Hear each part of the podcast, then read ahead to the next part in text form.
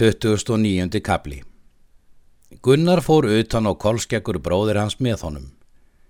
Þeir sildu til Túnbergs og voru þar um veturinn.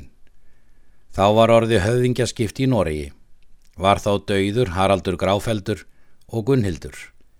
Réð þá ríki Hákon Jarl Sigurðarsson Hákonarssonar Grjótgarssonar. Móðir hans hétt Bergljót og var dóttir Þóris Jarls Þeyjanda. Móðir hennar hétt Óluf Árbót og var dóttir Haralds hins hálfagra. Hallvarður spurði Gunnar ef hann vildi ráðast til Hákonar Jarls.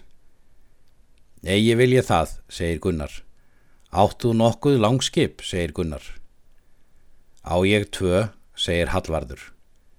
Þá vildi ég að við færim í hernað, segir Gunnar, og réðu menn til með okkur. Það vil ég þá, segir Hallvarður.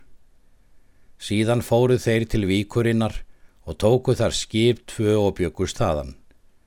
Þeim var gott til manna, því að mikil ágæti voru sögð frá Gunnari. Hvert vilt þú nú halda, segir Gunnar. Fyrst suður í hýsing, segir Hallvarður, á fund Ölvis frænda míns. Hvað vilt þú honum, segir Gunnar. Hann er drengur góður, segir Hallvarður, og mun hann fá okkur nokkur styrk til ferðarinnar. Förum við þanga þá, segir Gunnar. Þegar er þeir voru búnir, heldu þeir austur til hýsingar og höfðu þar góðar viðtökur.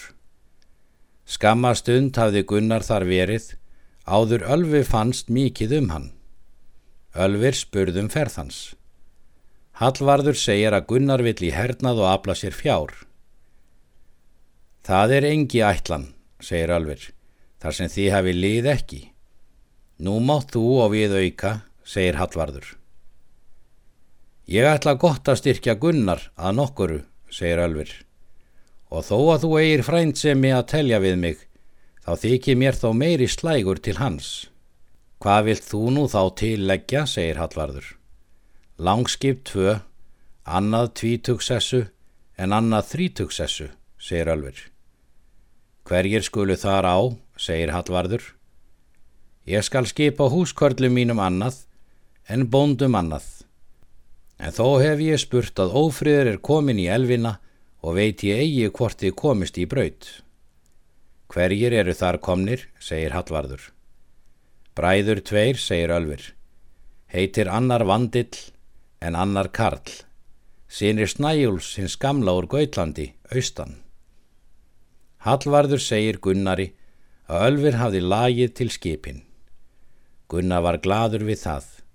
Þeir byggu ferð sína þaðan og er þeir voru búnir gengu þeir fyrir Ölfi og þökkuðu honum, en hann bað þá vel fara og varlega fyrir þeim bræðrum.